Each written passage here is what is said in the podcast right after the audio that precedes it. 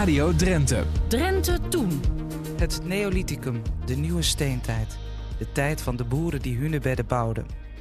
In wat nu Drenthe is, hadden we meerdere nederzettingen. En de hunebedden, de oudste monumenten van Nederland, die zijn er ook nog steeds, voor een groot deel. Wat weten we van deze mensen en, heel belangrijk, hoe kunnen we meer van ze te weten komen? Nou, bij voorbeelden als een speurneus of een detective naar sporen uit dat verleden te kijken. Maar ook door empathie, het vermogen om ons in te leven in de boeren die de hunebedden bouwden, want zoveel verschillen ze niet van ons. Hein Klompmaker zette zijn ideeën, gedachten en theorieën op papier in zijn meest recente boek, Het leven van de boeren die hunebedden bouwden. Een collectieve biografie. In deze podcast van Drenthe Toen geeft Klompmaker een soort van mini-college over zijn bevindingen. We gaan naar Borger, naar Hein Klompmaker.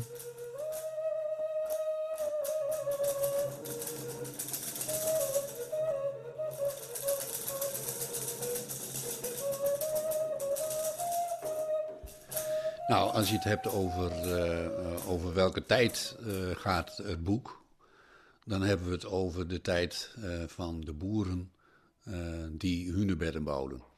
En dat is in, in jaartallen, ronde jaartallen, zo ongeveer 3400 tot 2900 voor Christus. De een rekent het wat verder en de ander wat, wat minder ver, maar daar komt het op neer. Dus ruim 5000 jaar geleden.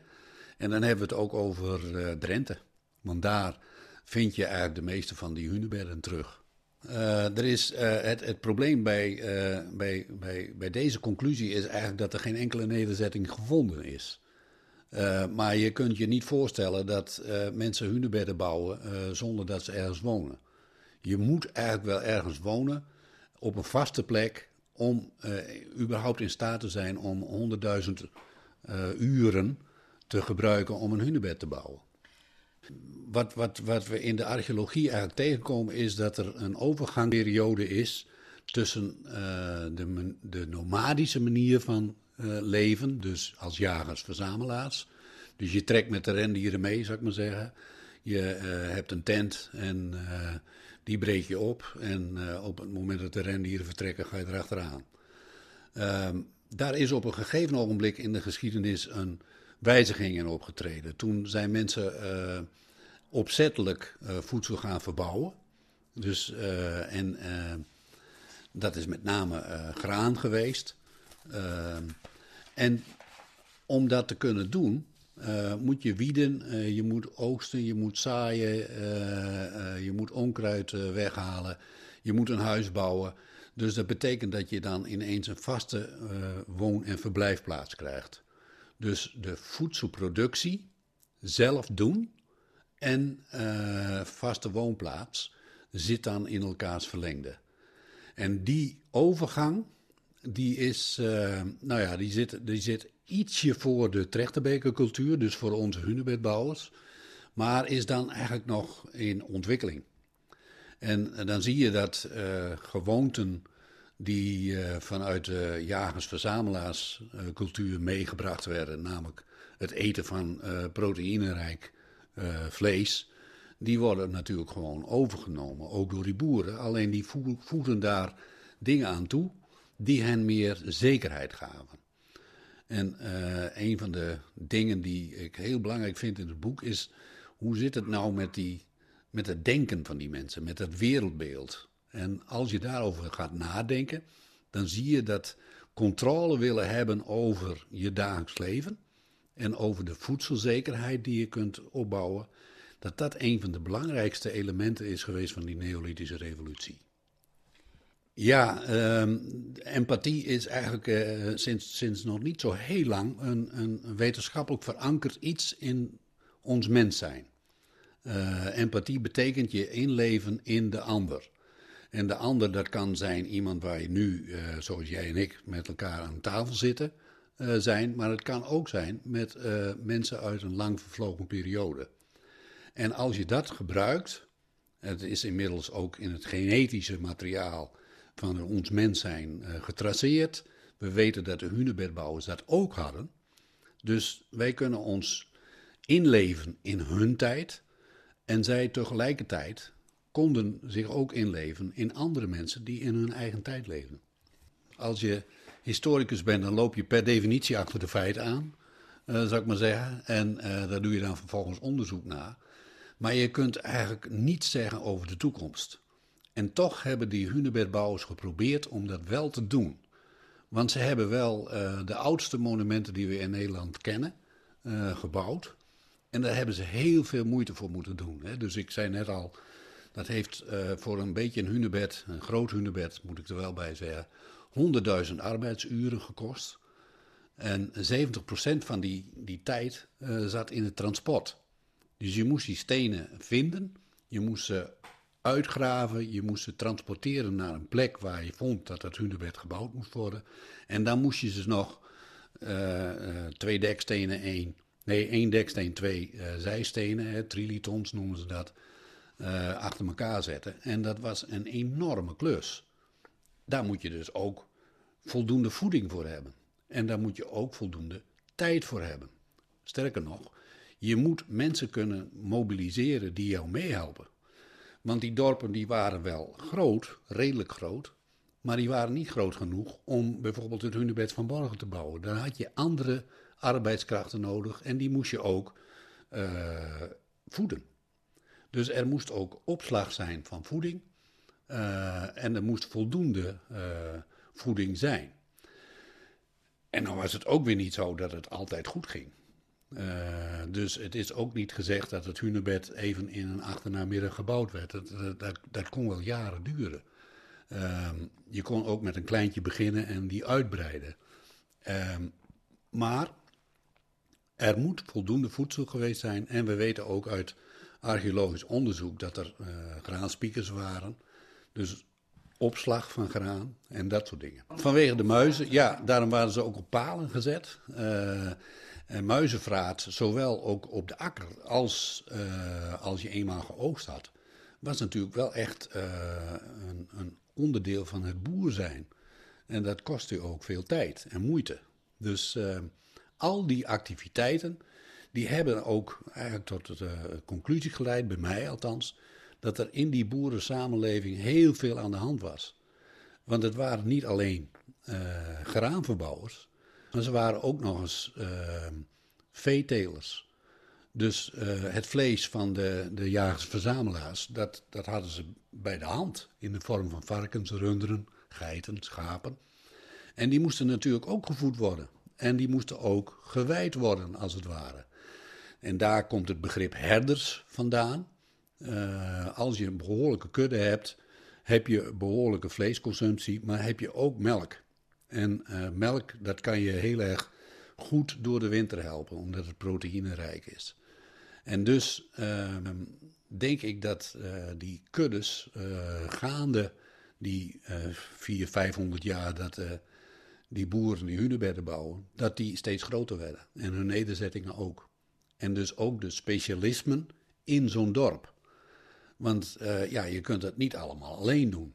Dus op het moment dat jij bezig bent met uh, de graanakker uh, te wieden en weet ik veel wat, is iemand anders bezig om met de koeien en de geiten en de schapen door het bos of door de omgeving te trekken. En te zorgen dat die gevoed konden worden en ook terugkeren. Dus uh, natuurlijk is het uh, heel vaak zo dat het, een aantal in onze termen parttime baantjes zijn. Uh, dus je kunt moeder zijn, maar ook eh, degene die de potten bakt. Maar naarmate de tijd verstreek, zullen zich steeds meer specialismen hebben ontwikkeld. Dus het is ook niet zo, want dat zie je heel vaak, dat in archeologische publicaties, dan bevriezen we als het ware een periode. We maken er een mooie reconstructietekening van en we zetten erbij, dit was 3300 voor Christus. Nou, je ziet een boerderij, je ziet een hunebed op de achtergrond en dat is het dan. Maar uh, het was een dynamische tijd. Dus met andere woorden, dat, dat bevroren moment, dat ontdooit en dat ontwikkelt zich. Uh, archeologie is zonder meer een hele belangrijke wetenschap als het gaat om je inleven in een uh, voorbije tijd, dus prehistorie. Want je hebt ook altijd extra bewijs nodig. Dus je kunt wel iets verzinnen over hoe mensen in die tijd leefden, maar je zult daar ook aanwijzingen voor moeten hebben. Alleen heel veel elementen die met gedrag te maken hebben en met houding en met denken, daar vertrouwen archeologen zich over het algemeen niet erg toe om daar iets over te zeggen. Er zijn weer andere wetenschappen die daar weer meer over zeggen. Dus het zijn bijvoorbeeld taalkundigen, uh, maar ook primatologen, sociologen, uh, antropologen, die uh, allemaal op een andere manier naar mensen hebben gekeken dan uitsluitend vanuit hun materiële cultuur. Dus wat er overgebleven is. Je hebt altijd, en dat, dat is een van de kernen van mijn onderzoek geweest, je hebt een multidisciplinaire houding nodig. Dus zoveel mogelijk wetenschappen bekijken. Wat dragen die bij? Waar houdt de ene wetenschap op en gaat de ander misschien net iets verder? En kun je dus conclusies trekken die eerder niet getrokken zijn. En dus nieuwe samenhangen vinden. Hein Klompmaker is een man die graag metaforen gebruikt. Die van de onderzoeker als detective bijvoorbeeld. Daarover horen we meer in deel 2. Maar ook tomatensoep is een goede metafoor, volgens Klompmaker, voor empathische archeologie. Dat klopt. Ik heb dat beeld inderdaad gebruikt. Uh, omdat je voor een goede tomatensoep, een tomatengroentesoep trouwens, uh, nog preciezer, die ik ook graag zelf maak, uh, daar kun je een recept voor hebben. En uh, daar staat dan precies van uh, dit, zoveel van dit en zoveel van dat. Maar uiteindelijk zal elke kok daar iets van zichzelf in verwerken. Ofwel hij gebruikt bepaalde ingrediënten niet, of hij voegt iets toe, of te veel water of te weinig water. Maar elke soep zal weer anders worden, worden opgediend dan die wordt gekookt. En je zou kunnen zeggen dat wat de historicus doet, uh, het blijft uiteindelijk wel tomatensoep, maar het heeft altijd weer een beetje een andere smaak, een andere samenhang. Hein Klompmaker, oud-museumdirecteur van het Hunebedcentrum in Borger, historicus en docent in hart en nieren. Hij schreef het leven van de boeren die de hunebedden bouwden en die dichter bij ons staan dan we misschien soms denken. Wat Klompmaker wil is de gevoels- en denkwereld van die boeren reconstrueren. Terwijl hij ook wel weet dat je jezelf en je eigen tijd er altijd in meeneemt. Om dichter bij ze te komen moeten we ons inleven in hen. En dat is kort gezegd de basis van de empathische archeologie waar Klompmaker over schrijft. En hij schrijft over de onderzoeker als detective die gaat onderzoeken hoe het is geweest aan de hand van sporen, maar bijvoorbeeld ook DNA, want die kennis is tegenwoordig beschikbaar. We weten steeds meer.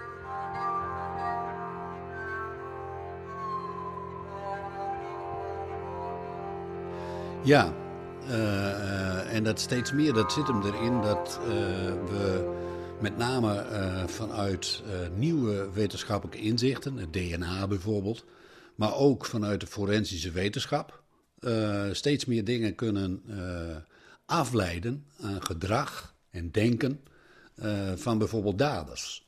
En als we dat toepassen op de prehistorie, dan krijg je soms verrassende mensen van vlees en bloed voor, voor je ogen. Kijk, wat, wat je als historicus doet, dat is dat je constateert dat er een gebeurtenis is, of gebeurtenissen zijn, een toedracht in het verleden. En ehm, Vervolgens constateer je dat je daar onderzoek naar zou moeten doen. En uh, eigenlijk wat je dan doet, uh, en dat doet een archeoloog net zo goed als een detective, is welke sporen vind ik nou en wat zeggen die sporen mij over de toedracht in het verleden? En als ik dat vind, hoe maak ik daar dan een verslag van, een verhaal? En geschiedenis en archeologie zijn in de basis altijd verhalen die we uh, daarover samenstellen. En bij verhalen samenstellen heb je natuurlijk ook per definitie dat je dingen weglaat. En dat je keuzes maakt. En dat je samenhangen ziet die uh, misschien eerder niet gezien waren. Dus, en die detective metafoor, ja, die is ook weer aan tijd onderhevig.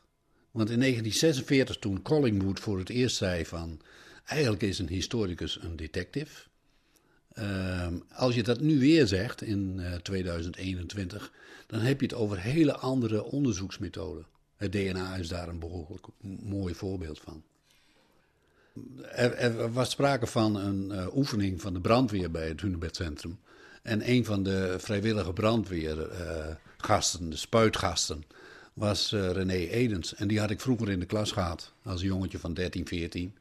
En die vertelde mij, uh, toen het allemaal achter de rug was en we een pilsje dronken... Um, ik heb nog uh, scherfjes vanuit het hunebed van, uh, van Borger heb ik in, thuis in een doosje. En ik zei, nou, dat kan niet. Want het hunebed is nooit onderzocht. Nou, hij, hij wist wel zeker. Want hij had als dertienjarige namelijk zitten graven in dat hunebed. Het toeval wil, en dat heb ik natuurlijk later uitgezocht, want hij kwam later met die scherfjes. En uh, het mooie daarvan was dat er ook nog wat crematieresten in zaten. Dat was eigenlijk wel heel bijzonder. Ja, menselijke, menselijke crematieresten. Ja, en die hebben we weer onderzocht en die bleken van uh, 800 voor Christus. Dus dan heb je het over de bronstijd. Uh, veel later dan de hunebedbouwers. Maar het toeval wilde dat op het moment dat het hunebed van Borger werd beschermd en een laagje zand werd afgehaald om vervolgens met betonblokken weer verzegeld te worden, dat in die avond dat ze dat niet helemaal klaar kregen, een aantal van die jongetjes uh, zaten te peuteren in dat hunebed. En dus deze dingen eruit gehaald hebben. En dat was heel bijzonder. En hij kwam daar met, met zo'n doosje. En nou ja, dan ga je ook als een detective onderzoeken van hoe is het dan precies geweest. Nou, dan kom je tussen 2 en 3 eh, november 1983 uit. dat die jongens na vijf uur, terwijl de werkzaamheden nog in volle gang waren, maar de arbeiders allemaal al weg. die hebben toen illegaal zitten peuteren in dat hunebed. En dat heeft uh, leuke dingen opgeleverd. Ja, een cold case zaak. Ja. Hebben wij iets van DNA van de boeren die hunebedden bouwden in wat nu Drenthe is? In Drenthe niet. Dus uh, tot dusver hebben we eigenlijk geen DNA-onderzoek toegepast op, uh, nou ja, zeg maar, uh, overblijfselen die we wel uh, tot onze beschikking zouden kunnen krijgen. Bijvoorbeeld in de vorm van tanden, als we zouden opgraven. Dus van Drenthe zijn geen DNA-sporen te nee. vinden. Maar wel bijvoorbeeld vanuit Zweden, Denemarken, Duitsland. en, daar kunnen we, en dat is dezelfde cultuur. Voor een deel bouwden die dezelfde monumenten, gebruikten hetzelfde aardewerk. En daar kun je dus wel het nodige uit afleiden. Het is wel heel belangrijk, denk ik, dat dat nog wel eens gebeurt. Dus dat we uiteindelijk op op zoek gaan naar menselijke overblijfselen van hunebedbouwers. DNA van de boeren die hier hunebedden bouwden, dat is er dus niet. Nog niet misschien. Maar zoals Klompmaker zegt, er zijn wel DNA-gegevens, vergelijkbaar, uit Zuid-Scandinavië. En dan is er Utsi. Utsi uh, is, is uh, op de grens tussen Oostenrijk en Italië gevonden. Uh, in een gletsjer. het was allemaal wat gesmolten en er kwamen een aantal, nou ja, zeg maar, lijken uh, kwamen aan het licht. En Utsi bleek zo rond 3000 voor Christus geleefd te hebben. En was een jager. hij had allerlei spullen bij zich die met de jacht te maken had. Maar uit sporen op zijn lichaam en in zijn kleding konden we afleiden dat hij ook uit een boerendorp kwam. Hij was op, op, op de vlucht waarschijnlijk en is op 45-jarige leeftijd eigenlijk uh, dodelijk gewond geraakt. ze hebben hem denk ik niet gevonden, maar hij is uiteindelijk daar op die berg gestorven. En dan zie je dat een tijdgenoot die duizend jaar of duizend kilometer misschien wel verder op ehm, ehm, in een bergachtige omgeving, dus in een andere omgeving dan hier in, in Drenthe, uh, overblijft. Dat we daar ineens een voorbeeld hebben van iemand die gevonden wordt, niet in een graf, maar gewoon als mens. En heel erg goed bewaard. En daar kun je uit afleiden dat er een aantal dingen hetzelfde zijn geweest. Dus Utsi heeft waarschijnlijk de hunebedbouwers niet gekend. Althans, daar hebben we geen aanwijzingen voor. Maar wat hij gebruikte aan voorwerpen, dat kennen wij ook uh, weliswaar. Nou, pijlpunten bijvoorbeeld.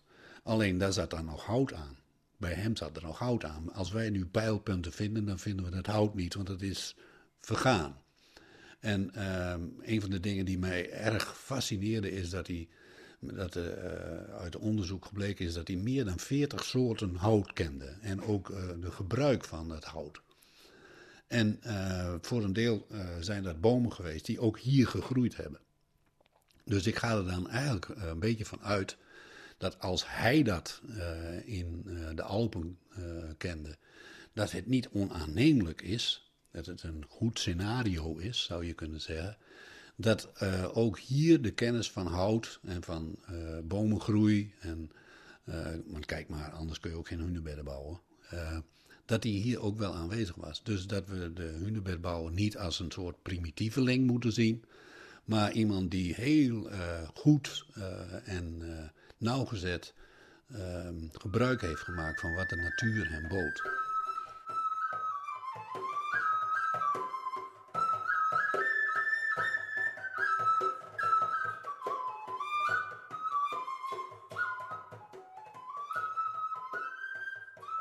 Er is wetgeving, uh, Europese wetgeving, de, de wetgeving van Malta, zoals het heet, het verdrag van Malta, die eigenlijk zegt van uh, we graven alleen nog op als daar noodzaak voor is. Dus bijvoorbeeld het aanleggen van een spoorweg of een weg of een uitbreidingsplan van een dorp. Uh, dan gaan we eerst wel even kijken of we niet archeologische sporen vernietigen.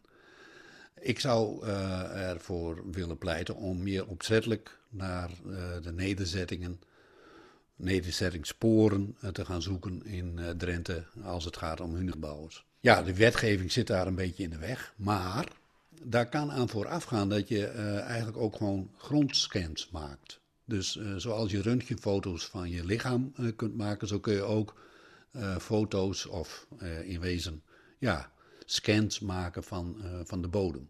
ik zou me kunnen voorstellen dat je niet alleen het hunebed scant, maar bijvoorbeeld ook een kilometer rondom het hunebed. Om te kijken wat is daar dan uh, aan sporen te vinden? En als we dat doen en we twijfelen over waar kijken we nu eigenlijk precies naar, dan zul je op een moment toch moeten opgraven. We zullen het nooit weten. Uh, dat betekent eigenlijk dat je dan vindt dat jij uh, met je onderzoek zo ver bent dat er, wie er dan ook maar na jou komt, niet tot een nieuw inzicht kan komen. Dat geloof ik niet. En, uh, en het is al heel simpel uh, uit te ontzenuwen als je kijkt naar 19e-eeuwse eh, archeologen die conclusies trokken die ook niet voor de eeuwigheid waren. Dus ik denk dat dat niet, niet klopt en dat dat ons ook niet verder helpt. Dus je moet ervan uitgaan dat wat we nu vinden, wat ik in mijn boek nu schrijf, dat dat een scenario is wat net zo lang uh, gehandhaafd kan worden. Totdat iemand zegt van nee, het was nog weer anders. Kijk, en zeker, het gaat mij om de cultureel-mentale uh, elementen die daaraan gekoppeld zijn. Dus het wereldbeeld, het denken. Wat voelden die mensen nou? Uh, het gaat om voorouders, dus ze hebben een gevoel van geschiedenis gehad. Het kan niet anders. het is om de zoveel tijd werd het hunebed opnieuw gebruikt, geopend. Dus er zijn rituelen die daar plaatsgevonden hebben. Die rituelen kunnen ook een ontwikkeling hebben doorgemaakt. Um, als het gebouwd werd, was het een enorme klus. Maar als het klaar was, dan was het ook een teken voor anderen van dit is ons gebied. Dus een soort gebiedsclaim. En um, het was bovendien een statement wat nou ja, een zelfmededeling van de hunebedbouwers genoemd wordt. In de zin van uh, dat ze wel even wilden laten zien waartoe ze in staat waren. Dus het heeft veel meer cultureel-mentale betekenissen dan als graf alleen.